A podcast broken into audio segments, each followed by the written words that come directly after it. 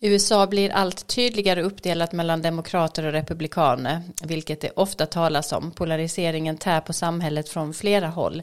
En aktör som ofta pekas ut som starkt bidragande, kanske till och med skyldig till den här splittringen, är medierna i USA. Men hur mycket kan vi skylla på dem och hur funkar medierna där egentligen? Det ska vi titta lite närmare på i veckans avsnitt och så har vi en bokhörna så här inför jul med tips på vad du själv kan läsa under ledigheten eller ge bort som klapp till någon.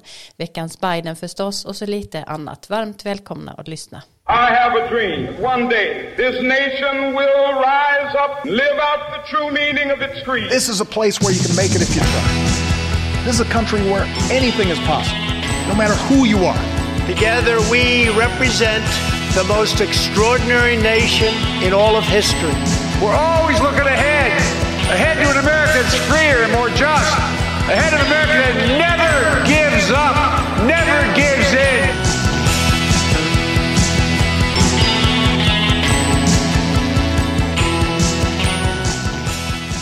Ja, varmt välkomna till ännu ett avsnitt av Amerikanalyspodden. Jag har tappat räkningen, jag vet inte vilket i ordningen det är, men den är till för er som vill ha lite djupare och längre samtal om saker som händer i USA. Eh, så välkomna ni som lyssnar, era telefoner eller surfplattor och givetvis särskilt välkomna till mina poddkollegor Karin Henriksson och Erik Åsad. Ehm, vi är inne i december månad nu, har ni julpyntat ännu, Erik? Mycket annat än adventsljusstakar här. Men jag tror att Karin, du har väl eh, koll på julpyntningen och kan jämföra med Sverige. Är det mer tidigare i USA än vad vi har här? Ja, advent är ju kanske inte så stort här men julen har satt igång i alla fall i affärerna och jag har sett massor av uh, julpynt och granar på, på taket på bilarna och uh, sen har det ju varit mycket shop, fokus på shopping här men också givande. För att eh, förra blir det ju nu, förra fredagen så var det ju då Black Friday och den fortsätter i flera dagar. Och på lördagen så var det, eh, ska man stödja sin lokala butik och på måndag var det så kallade Cyber Monday och på tisdagen så var det Giving Tuesday. Och då passar alla välgörenhetsorganisationer på att be om stöd för, och då tänker de ju dels försöka fylla budgeten för det här året men också titta framåt och då är det också en påminnelse till amerikanerna att ni kan ju dra av det här, de här bidragen på skatten. Så det, är väldigt mycket fokus på det just nu. Mm, en dag för allting alltså. Här i Sverige så har det ju också börjat eh, komma julpynt och så i butikerna sedan en tid tillbaka men kanske inte lika mycket som vanligt, jag vet inte. Jag har börjat julpynta lite sparsamt. När man bor så här på landet så gör man det redan nu. Vi har inga gatlyktor här, inte så mycket ljus runt omkring och då blir det där julpyntet helt plötsligt viktigt att få upp eh, ganska tidigt. Eh, men jag är som sagt väldigt sparsmakad och gillar inte så mycket glitter och färger. Men någon som definitivt gillar glitter och färger och har julpyntat eh, som då inte är sparsmakad är USAs första dam Jill Biden. Och hon har nu i veckan också öppnat upp dörrarna digitalt till Vita husets juldekorationer.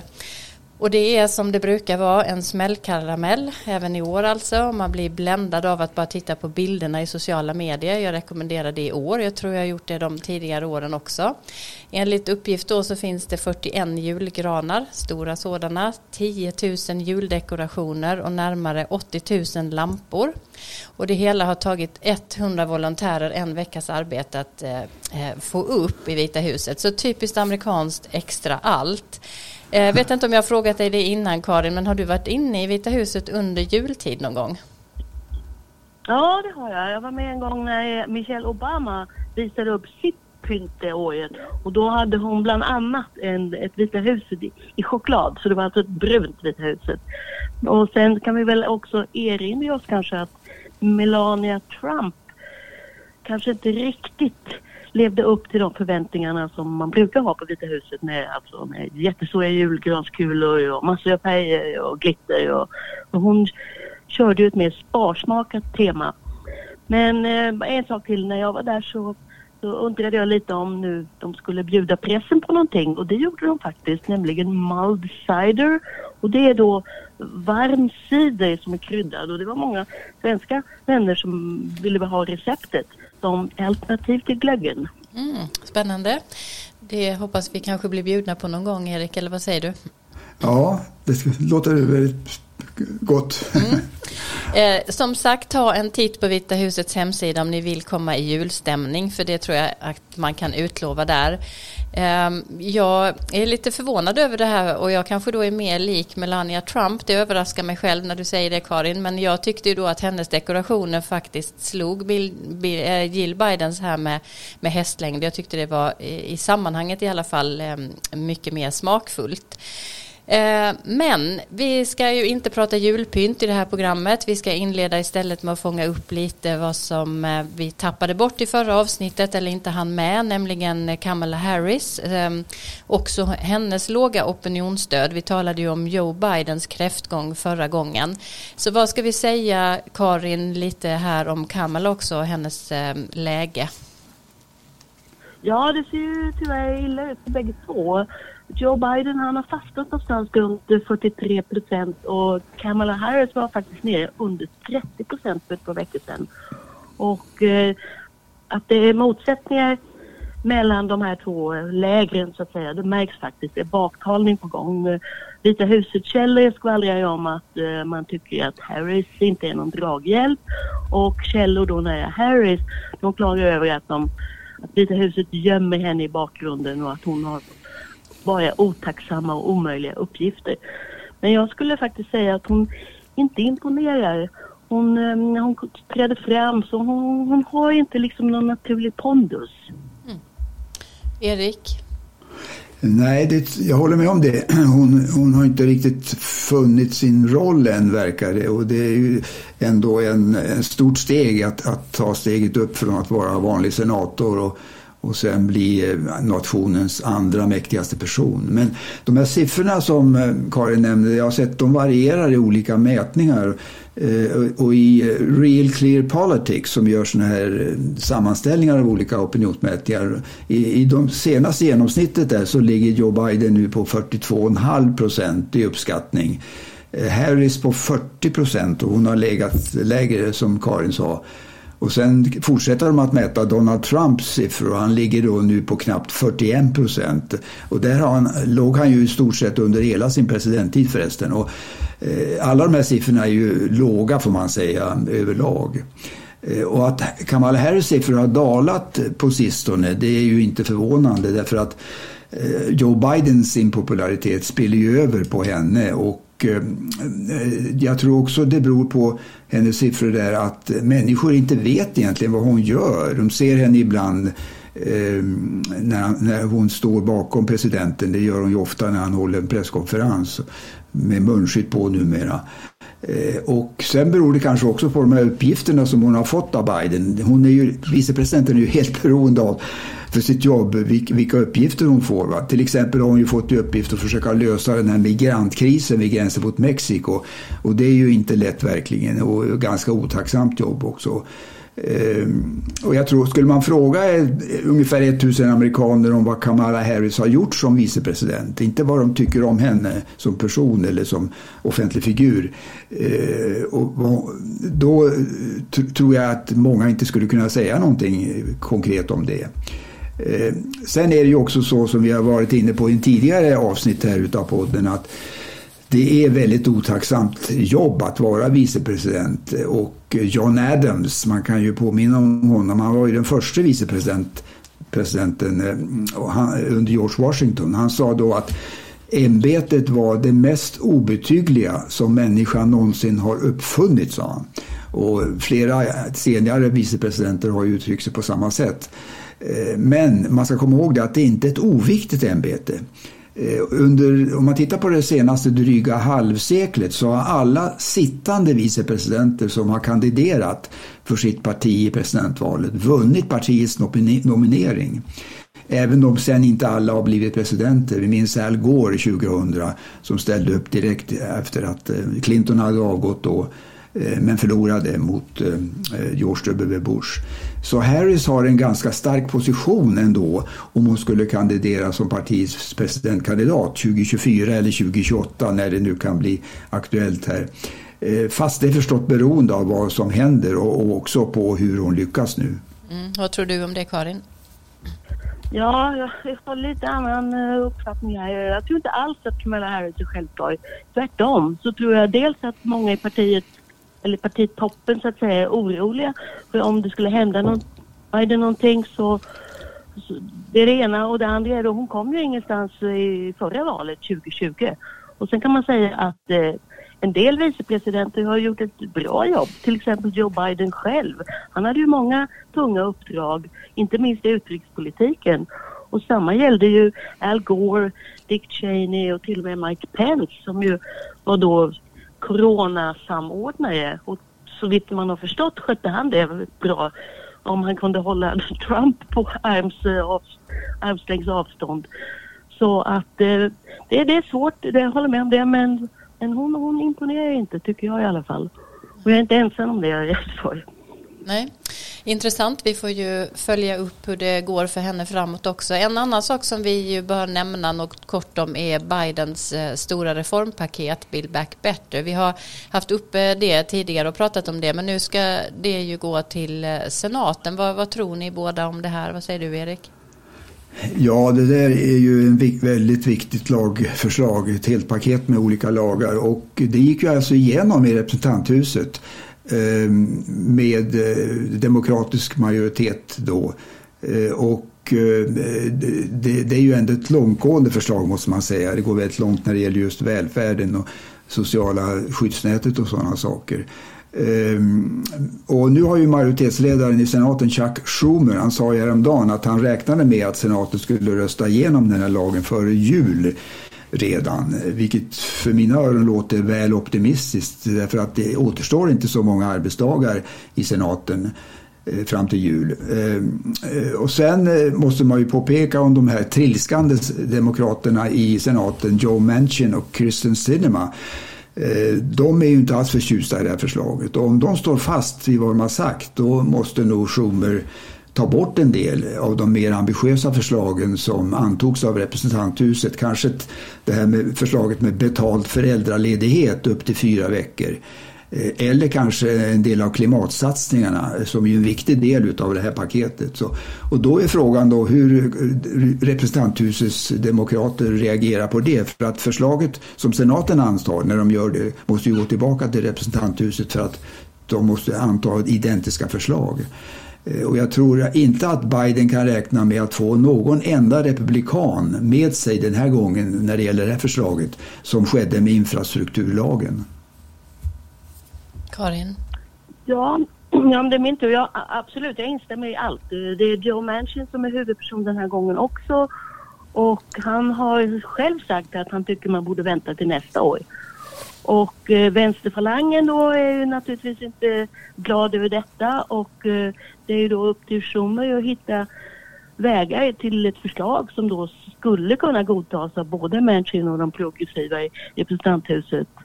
Och då kan man ju möjligen påpeka att eh, de progressiva fick ju med sig i infrastrukturförhandlingarna så det kanske de gör den här gången också. Men eh, ett alltför urvattnat förslag skulle ju också kanske leda till en svekdebatt bland väljarna. De röstade ju på Joe Biden och Demokraterna då för att de trodde att det skulle bli till exempel betald föräldraledighet och klimatsatsningarna. Alltså allt som inte skedde under Donald Trump. Mm.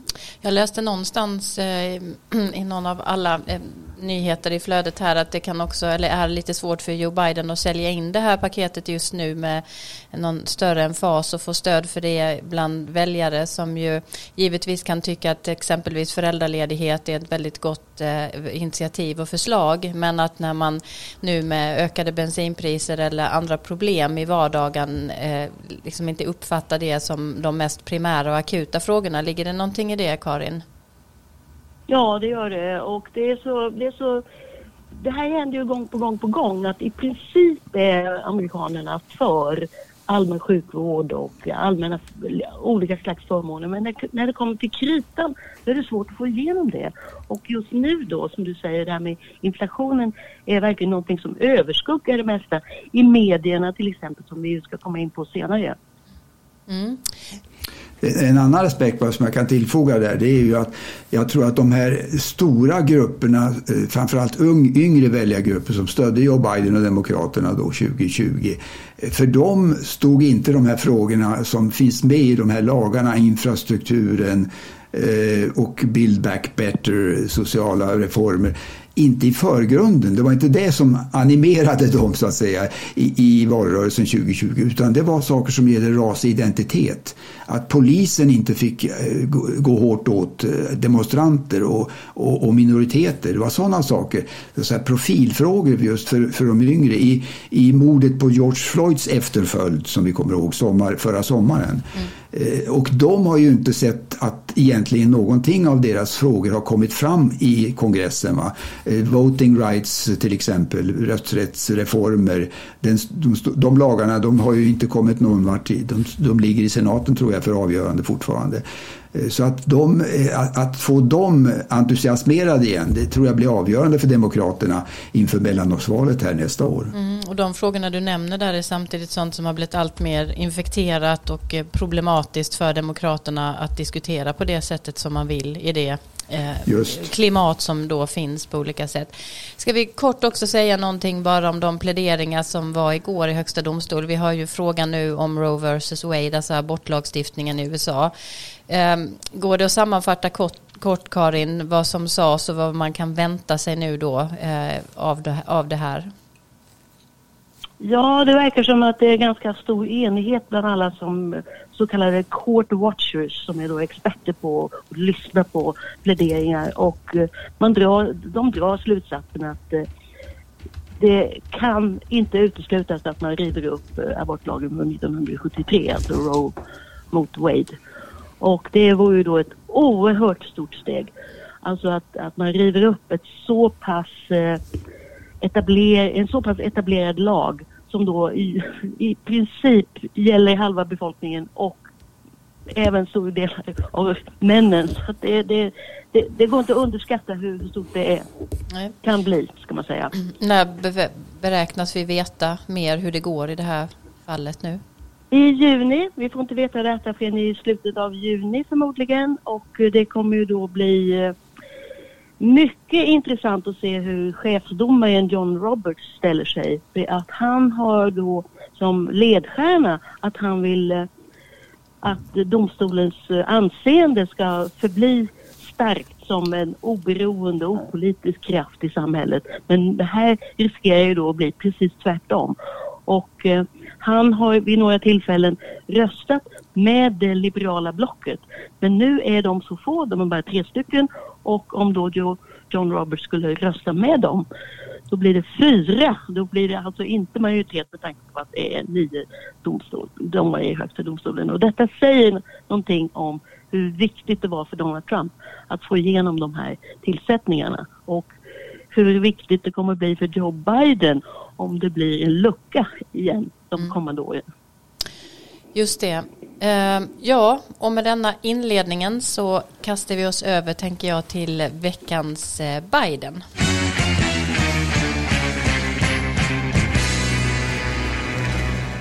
Det passar ju också att eh, ta upp veckans Biden när vi har pratat om de låga opinionssiffrorna för både honom och Kamala Harris. Eh, den här veckan kom ju en obehaglig överraskning. Det var larm om en ny variant av coronaviruset. Budskapet från Biden var att det är oroande men ingen anledning till panik, inte än i alla fall. Men det ämne han skulle tala om häromdagen handlade om en annan oroande följetong, problemen i leverantörskedjorna med risk för brist på varor och så här lät det. In particular I want to hear about the challenges facing smaller businesses. Small businesses are so important to our communities, they don't have the same leverage as many of you do. And finally, I want to hear your ideas on how the federal government can continue partnering with you all to keep shelf stocked so American consumers can get what they need. And uh, some of you have been working with my port envoy, John Picari, to get goods through our ports faster. And we've seen some progress in that effort with a number of containers sitting on docks for more than eight days, down by over 40% this month. And uh, we keep building on that progress. Det var lite burkigt ljud här Karin kanske, men vad var hans poäng? Vad sa han och vilka pratade han till? Ja, bland gästerna runt bordet i Vita huset så fanns det representanter för både stora och små företag och eh, han bad dem att komma med förslag till hur man skulle kunna eh, underlätta alla de här leveranserna på, på vägar och i hamnar och på järnvägar. Och eh, det här har varit, som, som du sa, det har varit en följetong.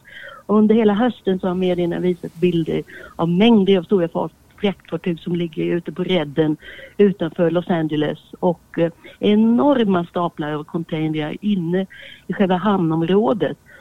Och det här då har lett till spekulationer om att det kan bli brist på leksaker till jul och, och annat. Men jag har varit ute i affärerna en del och skulle säga att det där låter lite överdrivet. Det är rätt fullt i affärerna. Och eh, de, några av cheferna i de stora varuhuskedjorna har sagt att det är ingen fara. Vi kommer att kunna se till att kunderna blir nöjda. Men eh, det, det, finns andra aspekter av detta och det är att eh, det kan betyda att eh, butikerna har eh, färre varor och att det är bra. Att de därmed kan liksom slippa och ha de här jättestora realisationerna. Och det där märktes redan under Black Friday. Det var många kunder som klagade över att det inte var lika stora rabatter som normalt. Men det kanske är bra för, för butikerna. Så att vi, vi har inte sett hur det går men det, det är naturligtvis som alltid en väldigt stor fråga hur det går i detaljhandeln. Och det, och det verkar som att de amerikanska konsumenterna de har gott om pengar och de vill ut och köpa grejer. Så vi får se. Mm. Eh, Karin, sen bensinpriset har de ju skrivit rätt mycket om och jag ser att snittpriset nu ligger på för oss mycket låga 3,40 dollar per gallon. Är det en större huvudvärk eh, för Biden? Ja det är det, för att det, det där dyker alltid upp. Eh, folk eller tv-reportrar går ut till bensinstationerna och sticker mikrofonen under näsan på någon som fyller, fyller tanken på sin bil och som då säger åh det är så dyrt, det är så jättedyrt. Och just i år då jämför man med förra året då priserna var väldigt låga och det berodde ju då på pandemin, att det var mindre mm. efterfrågan på olja. Men det, det, det, är en, det är en otroligt stor sak för det är någonting som alla märker när de är ute och handlar och mat har blivit dyrare och eh, det mesta faktiskt. Och energi då som vi märker i Sverige också. Men eh, Joe Biden har försökt att ingripa. Han har försökt att pressa OPEC att de ska eh, producera mer ol olja och sen är det tal om den här strategiska oljereserven, att man kan ta ur den. Och eh, sen så är det faktiskt en del demokratiska kongressledamöter som har sagt, tyckt att ja, men, vi borde sänka skatten på bensin. Och det är totalt jättekonstigt om, om ni förstår vad jag menar. För att eh, det är precis tvärtom. Att, att den skatten är väldigt låg och många tycker att den borde höjas för på det sättet få medel då till motorvägar och vägar. Mm. Intressant, det låter som samma diskussion ungefär som pågår här i Sverige just nu. Men du, eh, Karin Biden fick också beröm från de här företagen eh, delvis i, i, ja, det här mötet. Ja det, ja, det fick han och det var kanske inte oväntat då med tanke på att de var där då för att ja, ställa upp på och prata med presidenten. Men äh, de har ju försökt så att säga va? Och, och, och företagen visade då att de de har märkt det och eh, det ser man även på andra ställen att, eh, att eh, i, jag brukar titta på en kanal som heter CNBC, en ekonomikanal. De har jättemycket intervjuer med höga chefer och ekonomer. Och där är det en del som har sagt ja, Biden-administrationen har försökt i alla fall att lätta på trycket i hamnarna till exempel. Mm.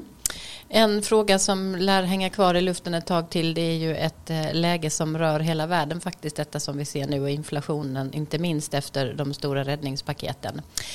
Eh, med det sagt så avslutar vi veckans Biden och hoppar istället över till vårt tema.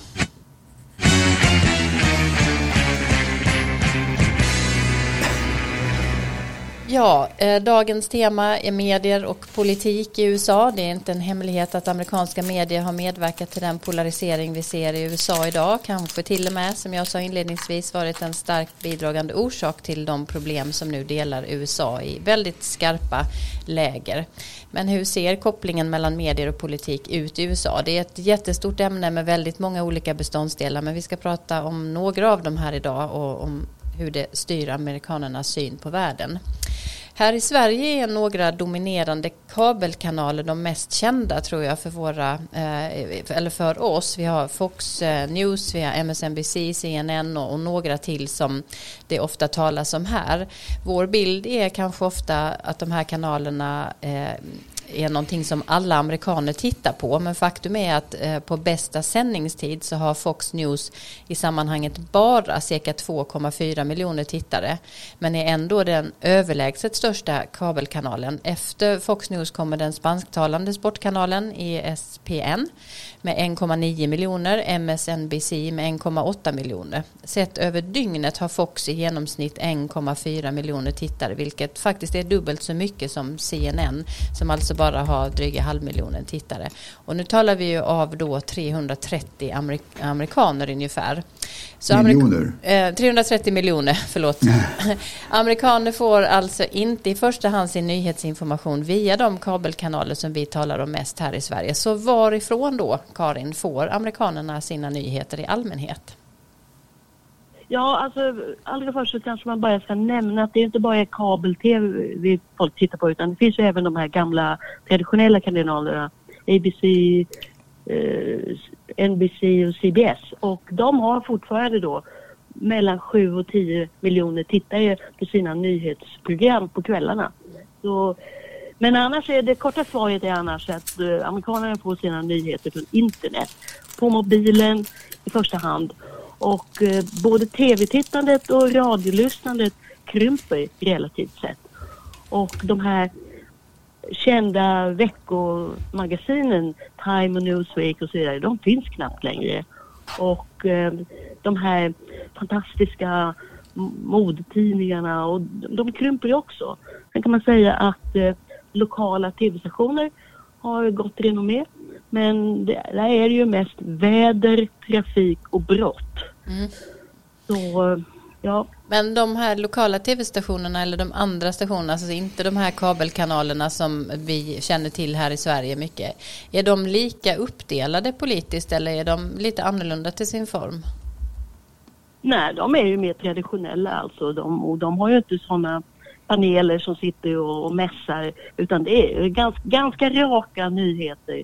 Men med visst mönster. Man vill gärna ha någon eh, något hjärteknipande på slutet. Och, eh, men, men de är så ganska lika från år till år. Mm. Men får jag tillägga det, alltså mycket av just, det är bra att ni lyfter fram de lokala kanalerna, både radio och tv, därför att där, det, där är det verkligen lokala frågor som får utrymme och mycket utav det handlar, det är min erfarenhet alltså, handlar ju om brott och, och rättegångar. Det får alltid liksom första platsen om det har skett något spektakulärt. Det där uttrycket if it bleeds, it lead, leads, alltså då kommer det först i, i sändningen, är ju, är fortfarande aktuellt. Va? Så att, men, och väderrapporten var också någonting viktigt, det minns jag när jag bott i olika amerikanska familjer. Man tittar alltid på väder och då gäller det för varje kanal att ha en, en väldigt anslående väderpresentatör eh, som är lite mer flashig och som kan göra lite roliga saker så att det blir ett underhållningsmoment i sig själv, är, mitt, är min erfarenhet i alla fall. Mm. Det är ändå intressant att de kanaler som ändå når flest inte alls är lika polariserade som de vi talar om mest. Men är det inte också via radio eh, som folk lyssnar på mycket i bilen eller i köket hemma eh, där man får de senaste uppdateringarna?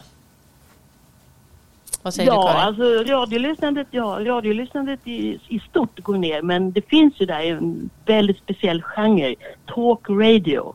Och den domineras ju av eh, kända konservativa män, mestadels män. Och de är väldigt skickliga så det är inte konstigt att, att de når stor publik. Nej, och, och, bland dem så hade ju Rush Limbaugh länge ett enormt inflytande över konservativa väljare. Han nådde ut till eh, som mest till över 20 miljoner lyssnare i veckan.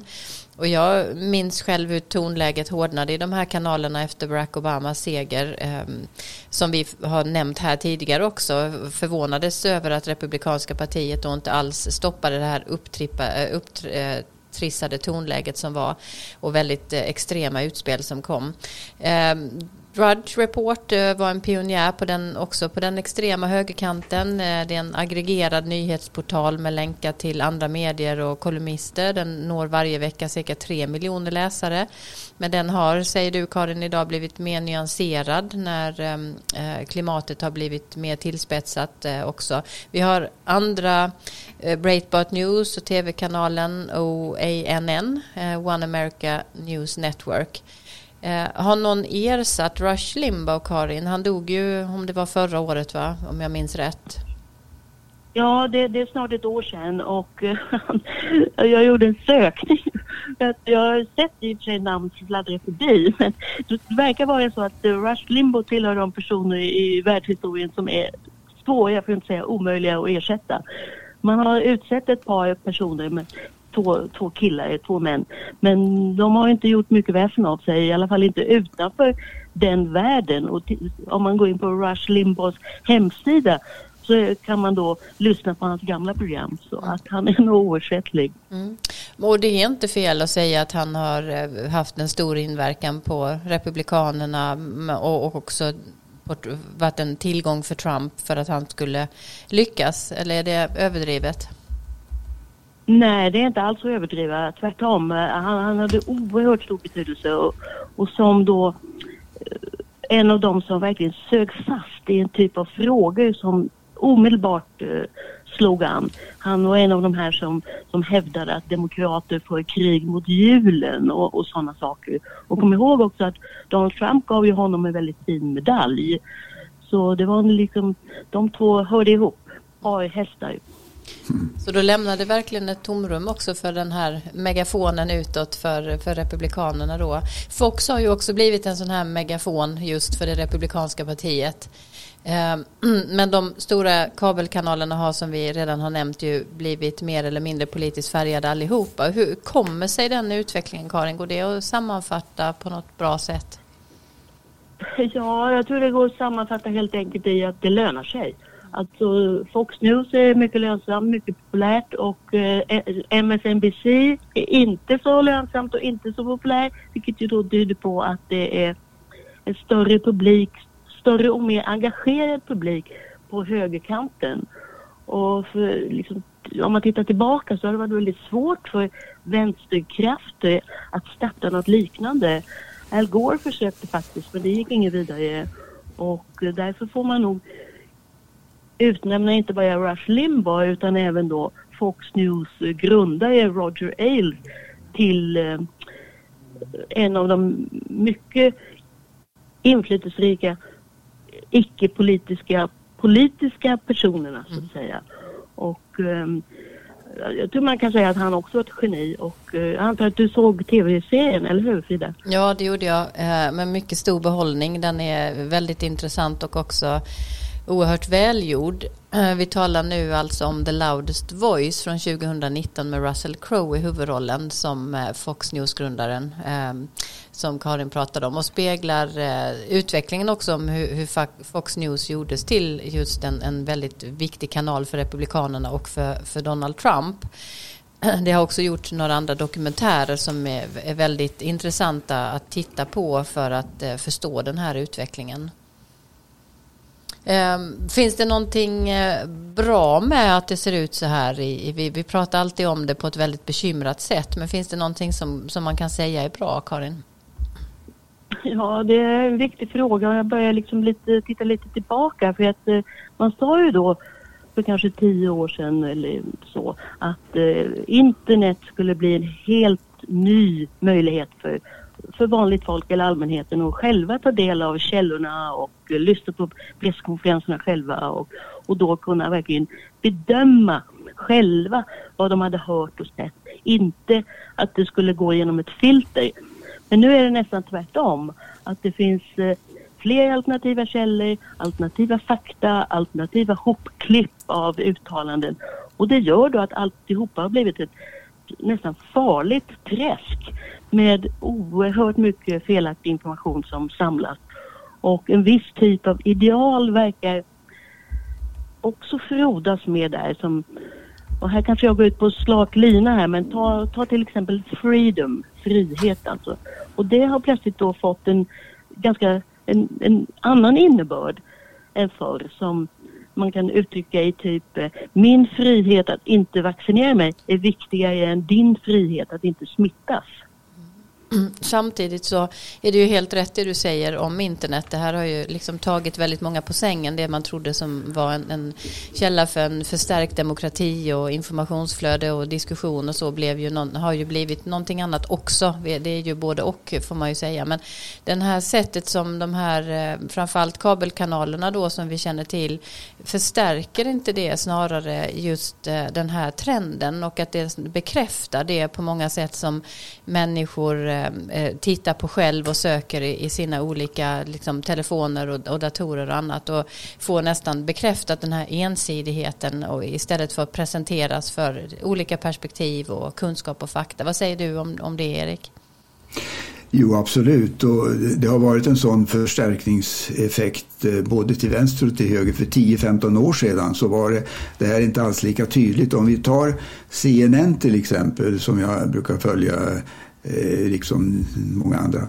Eh, det, där fanns, var liksom nyheterna eh, som presenterades där på dagtid och kvällstid var ganska raka nyheter och liknade dem i de traditionella tv-kanalerna.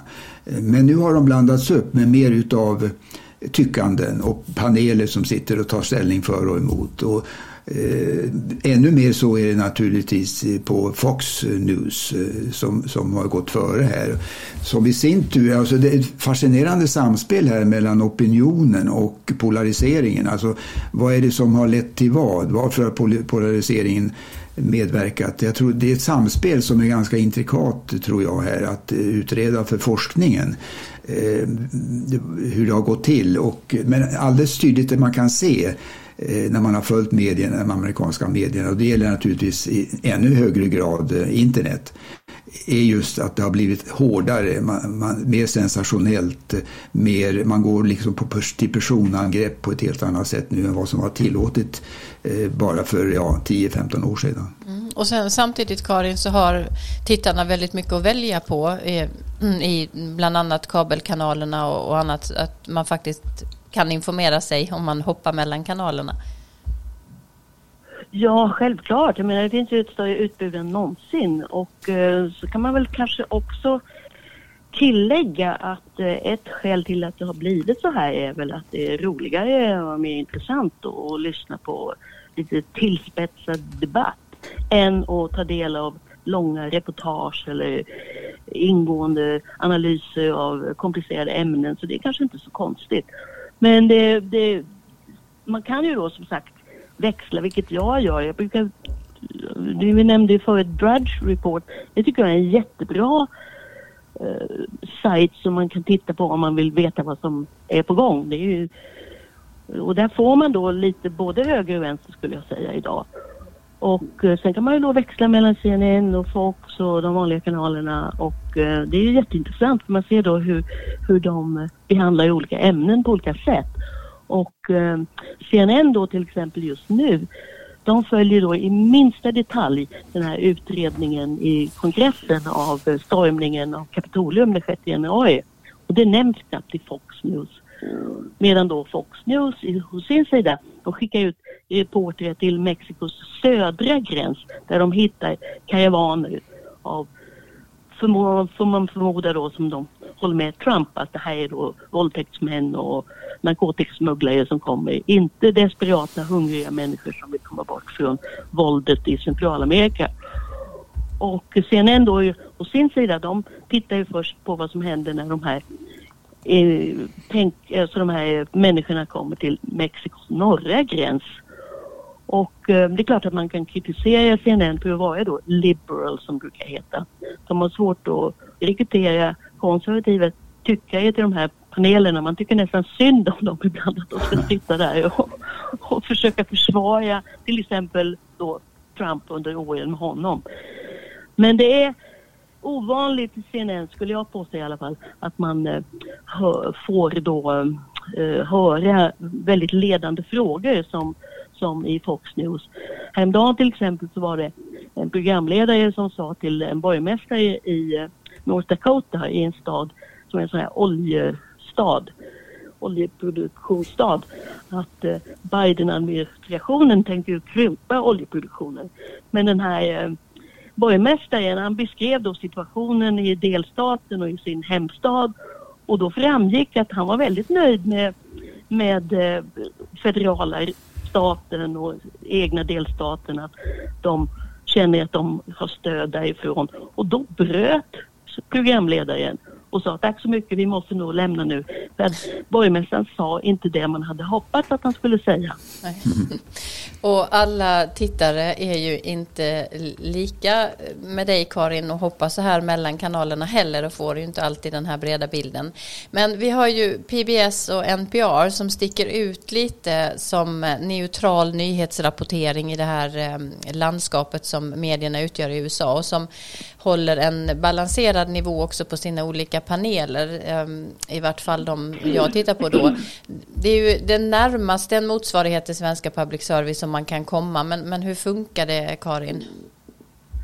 Ja, det gör det ju. Alltså, en stor skillnad är ju att, att det är väldigt lite av deras totala finansiering som kommer från, från det allmänna. Och, och de pengarna de går i huvudsak då till tekniken. Alltså master och vad man nu behöver för att kunna då bli sedda och hörda i hela landet. Och, eh, men som, det är som du säger att NPR står långa nyhetsmagasin på, mor på morgonen och på kvällen tillhör det bästa man kan höra faktiskt. Väldigt heltäckande och förhållandevis neutralt. Och samma gäller ju då tv-nyhetsprogrammet på kvällen som heter PBS Newshour. Men där är det ganska tydligt att de har inte resurser själva utan de förlitar sig ofta i sin utrikesrapportering på brittiska tv-bolag. Eh, mm, på många sätt så är ju det stora hotet kanske mot media eh, ekonomiskt. Eh, även om de stora New York Times till exempel om vi tänk, talar tidning mer nu så har man 4,9 miljoner läsare. Washington Post dryga miljonen läsare och man har ökat sina prenumerationer sen Trump kom till makten. Så men trots det så är den allmänna trenden att olika medier dräneras på pengar av olika anledningar. Tidningsdöden har, har drabbat USA hårt. Man ser att det är drygt 2000 nedlagda tidningar i landet sedan 2014.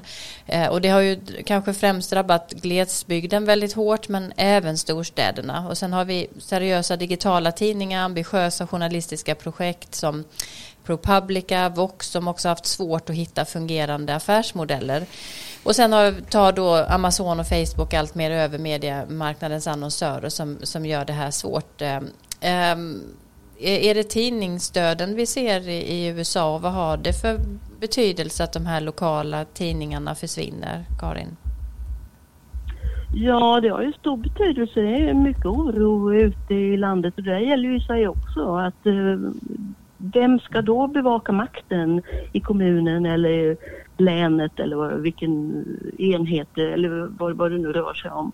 Och um, det är väl till och med så att det inte finns så många tidningar att lägga ner längre här i USA och uh, jag kan bara nämna, jag bor ju i ett stort hus och det är inte många Washington Post som ligger utanför dörrarna nu för tiden. Är, men de finns ju på nätet å andra sidan. Och jag har nog fått uppfattningen att ja, det har varit kärvt i många år men att de på något sätt har eh, överlevt de här stora tidningarna, New York Times, Wall Street Journal och eh, Washington Post till exempel. Så ja, det är inte bara nattsvart. Nej.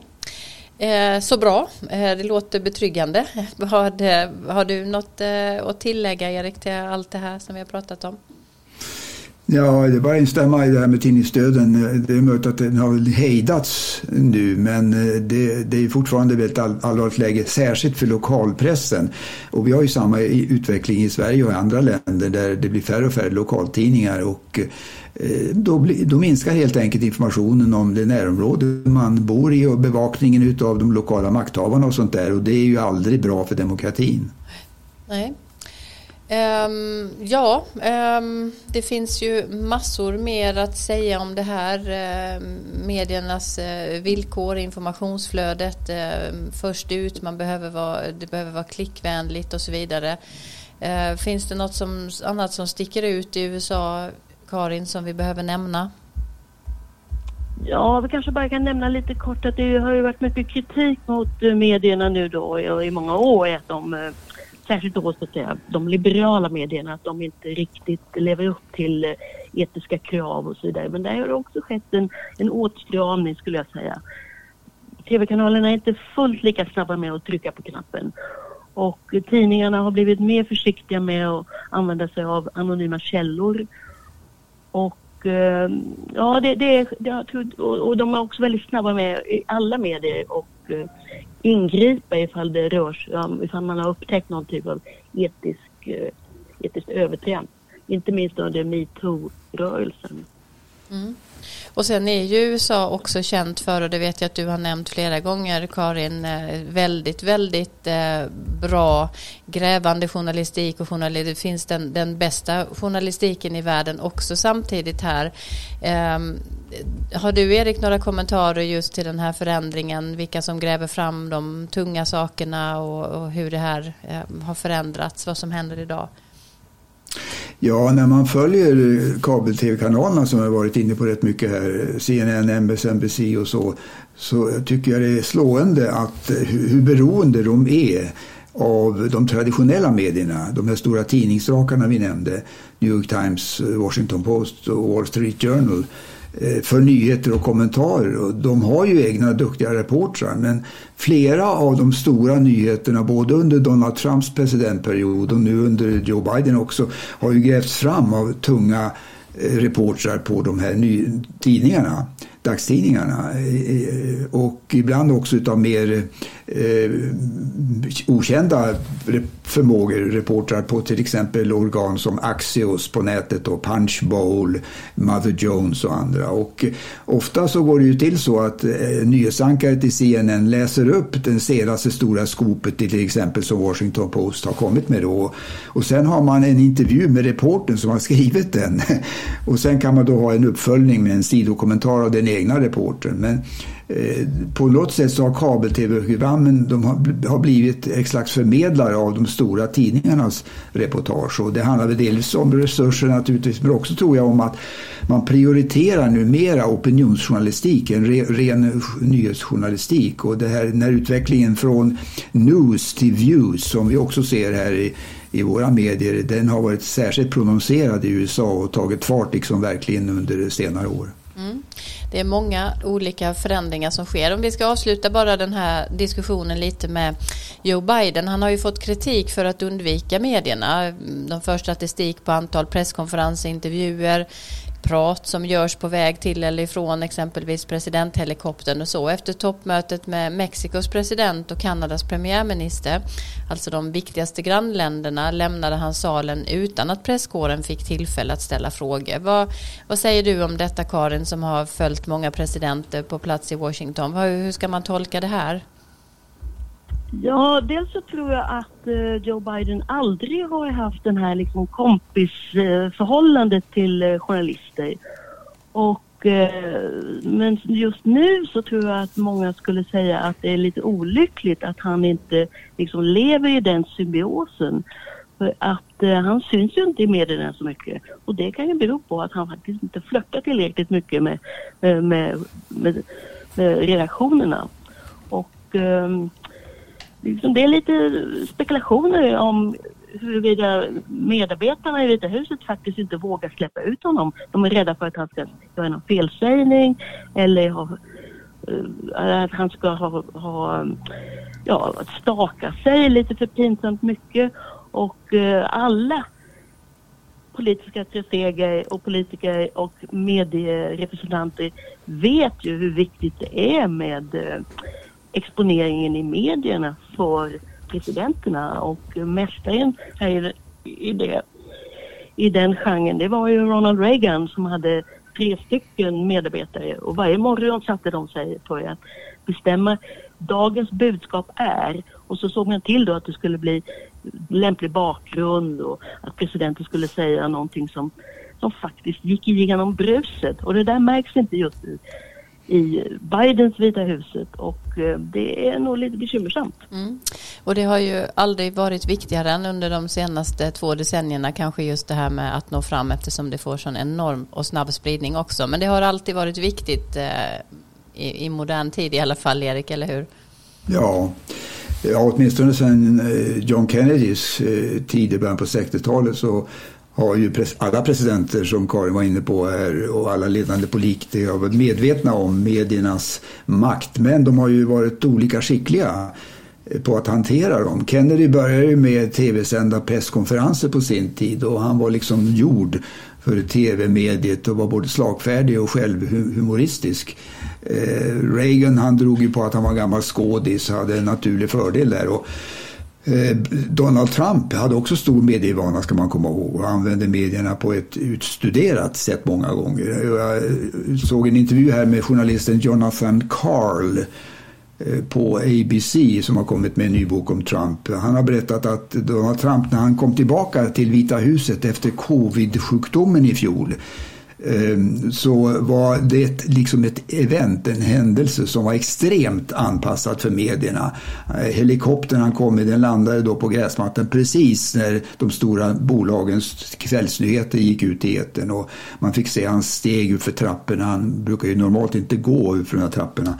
Eh, och sen tog han av sig munskyddet mycket teatraliskt och så vidare. Så att, eh, men samtidigt så var, skedde ju en hel del katastrofer i, i, i medierna under hans tid. Till exempel när han uppträdde på presskonferensen med Vladimir Putin i Helsingfors 2017. Så att det var bara, inte bara rosor. Nej. Eh, och den tog ju alla med häpnad den här eh, presskonferensen i Helsingfors. Jag minns själv att jag skulle kommentera den i Sveriges Radio då i någon direktsändning. Jag vet, tror inte mm. att jag sa mycket klokt för att jag var, man var ganska chockad efter det. Eh, finns det någonting avslutningsvis vi ska runda av med Karin som är viktigt att säga? Ja, jag skulle vilja säga en sak till och det gäller då det här talet om att medierna skulle vara liberala eller gå i demokraternas ledband. Och då säga att i den verkliga vänstern så menar man att alla medier är så att säga corporate media. De styrs i alla fall indirekt av storföretagsintressena som ligger bakom. Och det där märks då i reportrarnas språkbruk. De säger alltid spend, det vill säga spendera, slösa med pengar, skattepengar. När det i själva verket då, som nu i debatten handlar om offentliga utgifter som ska gå till folkets bästa så att säga. Stärkt trygghet med sjukvård och så vidare. Och det finns inga, normalt finns det inga arbetsmarknadsreportrar och eh, den här eh, leverantörskedjorna som vi var inne på, alltså problemen där, det beskrivs inte på, alls på samma sätt i medier som den verkliga vänstern publicerar. För där tittar man då till exempel på lastbilschaufförernas eh, löneförhållanden och arbetsförhållanden. Så det ska man kanske också beakta. Mm. En lysande avslutning och avrundning på detta temat Karin. Och tiden den rusar iväg men vi ska absolut hinna med ett eh, kort avsnitt här i slutet också innan vi lämnar för dagen. Det är eh, en eh, bokhörna som vi kallade så här innan jul så passar det ju bra att dela med sig av lite boktips som ni lyssnare kan läsa själva eller kanske ge bort som en hård klapp under julgranen. Vad rekommenderar ni båda då, våra poddlyssnare, att läsa eller ge bort? Erik, vi börjar med dig. Ja, jag kan rekommendera en kort biografi över Joe Biden utav en författare som heter Evan Osnos, O-S-N-O-S. Joe Biden, American Dreamer heter den. Den finns i en liten behändig pocketutgåva. Den ger en bra bild eh, både av eh, personen Joe Biden och politikern. En man som framträder i den där boken som både empatisk och pragmatisk. Inte alls någon radikal person, men också en som förändras och som anpassar sig efter nya folkliga stämningar och händelser i samhället. Och Osnos han påpekar i den där boken att eh, Biden startar ju kampanjen 2020 som vi minns försiktigt. Hans slogan i början var ju eh, “Restore the soul of the nation” efter Trump-åren då. Och också sa han så här att “Nothing will fundamentally change” sa han i början av valkampanjen. Inga större förändringar skulle det bli om han blev president. Eh, så han var alltså mittenkandidaten då i ett fält utav vänsterdemokrater kan man säga. Eh, som han sen besegrade då. Men sen kom ju sommaren 2020 eh, med mordet på George Floyd, med demonstrationer, Black Lives Matter-rörelsen, upplopp, våldsamheter i flera städer. Eh, och då ändrade Biden, han lyfter fram det här bra i boken, att han ändrade både stil och eh, retorik och föreslog då skarpare åtgärder för att komma åt rasismen, ojämlikheten och polisvåldet och sådana saker. Och det är sånt här som man går igenom i den här boken som går fram till och med valet i, i fjol. Och kan, man kan rekommendera den till tycker jag, de som behöver eh, en lättillgänglig, lättillgänglig information och ja, fram, berättelse om USAs 46 president. Mm. Eh, Karin, ska vi ta dig emellan? Jag vet inte om du har någon mer Erik, men vi tar dig först Karin. Mm. Ja, Okej, okay. nej det är så många frestande titlar eh, om man går in i en bokhandel. Det finns ju fortfarande bokhandlar även om de är färre. Så, och då kan man då ofta upptäcka teman. Just nu så verkar det vara extra många böcker som handlar om den amerikanska republikens eh, tidigaste år. Och jag såg en biografi om kung Georg den tredje i England och eh, och en del om, eh, det finns en, en slags reseguidebok resor med eh, George Washington. Men själv har jag beställt två böcker som jag ser fram emot att läsa. Den ena är en biografi om Marquis Lafayette, de Lafayette som deltog i både amerikanska och, och franska revolutionerna. Och en annan bok som heter Alpha som är en genomgång av ett mycket uppmärksammat fall med en militär rättegång mot en officer som faktiskt fälldes i domstol, i en militär domstol, men sen benådades av Trump. Och det väckte då väldigt hårda protester. Och därmed kom jag in på mitt julklappstips som fräckt nog är min egen bok som heter USAs elitförband som handlar just om, om, om hur, hur viktiga de soldaterna är i USAs krigföring. Mm. Eh, vad bra att du fick med det också på en hörna. Du har någon, eh, något boktips till Erik, eller hur? Ja, det är en bok eh, som handlar då om eh, litteraturen om Trump-åren. Eh, jag har inte läst den själv, men jag har läst mycket om den. Utav Washington Posts bokrecensent eh, Carlos Lozada, L-O-Z-A-D-A. Eh, och boken heter What Were We Thinking? Och han går igenom det. Han säger någonstans att det finns ungefär 400 böcker om Barack Obama och hans period i Visa huset. Men inte mindre än 1200 böcker om Trump och eh, olika aspekter av hans presidentskap. Och det är ungefär 150 av de böckerna som han har läst, stackaren. Och, och, går igenom i, i den här boken och lyfter fram då vad, vilka är, vad, vad, säger de och då hittar han likheter och skillnader och sånt där. Men den som vill ha en, en eh, överblick över den oöverskådliga Trump-litteraturen kan rekommenderas eh, att läsa den boken. Mm, och då skulle man kunna tänka sig att reklamen i bokaffären kan vara få 150 betala för en där då ungefär ungefär. Ja, eh, och med det så tackar jag eh, Karin Henriksson i Washington och eh, Erik Åsad i Uppsala för ännu ett eh, givande, intressant och roligt samtal med er. Eh, tack ni som lyssnar för att ni hänger med oss. Tack Johan Lindström för ljudillustrationer och jag Frida Stranne hälsar från ett väldigt vitt, snöigt och kallt södra Halland som igår hade total snökaos men idag har glittrande sol på snön. Eh, var rädda om er. Vi hörs igen om eh, två veckor om ni vill och kan. Hej så länge. I have a dream. One day, this nation will rise up, live out the true meaning of its creed. This is a place where you can make it if you try. This is a country where anything is possible, no matter who you are. Together we represent the most extraordinary nation in all of history. We're always looking ahead, ahead to an America that's freer and more just, ahead of America that never gives up, never gives in.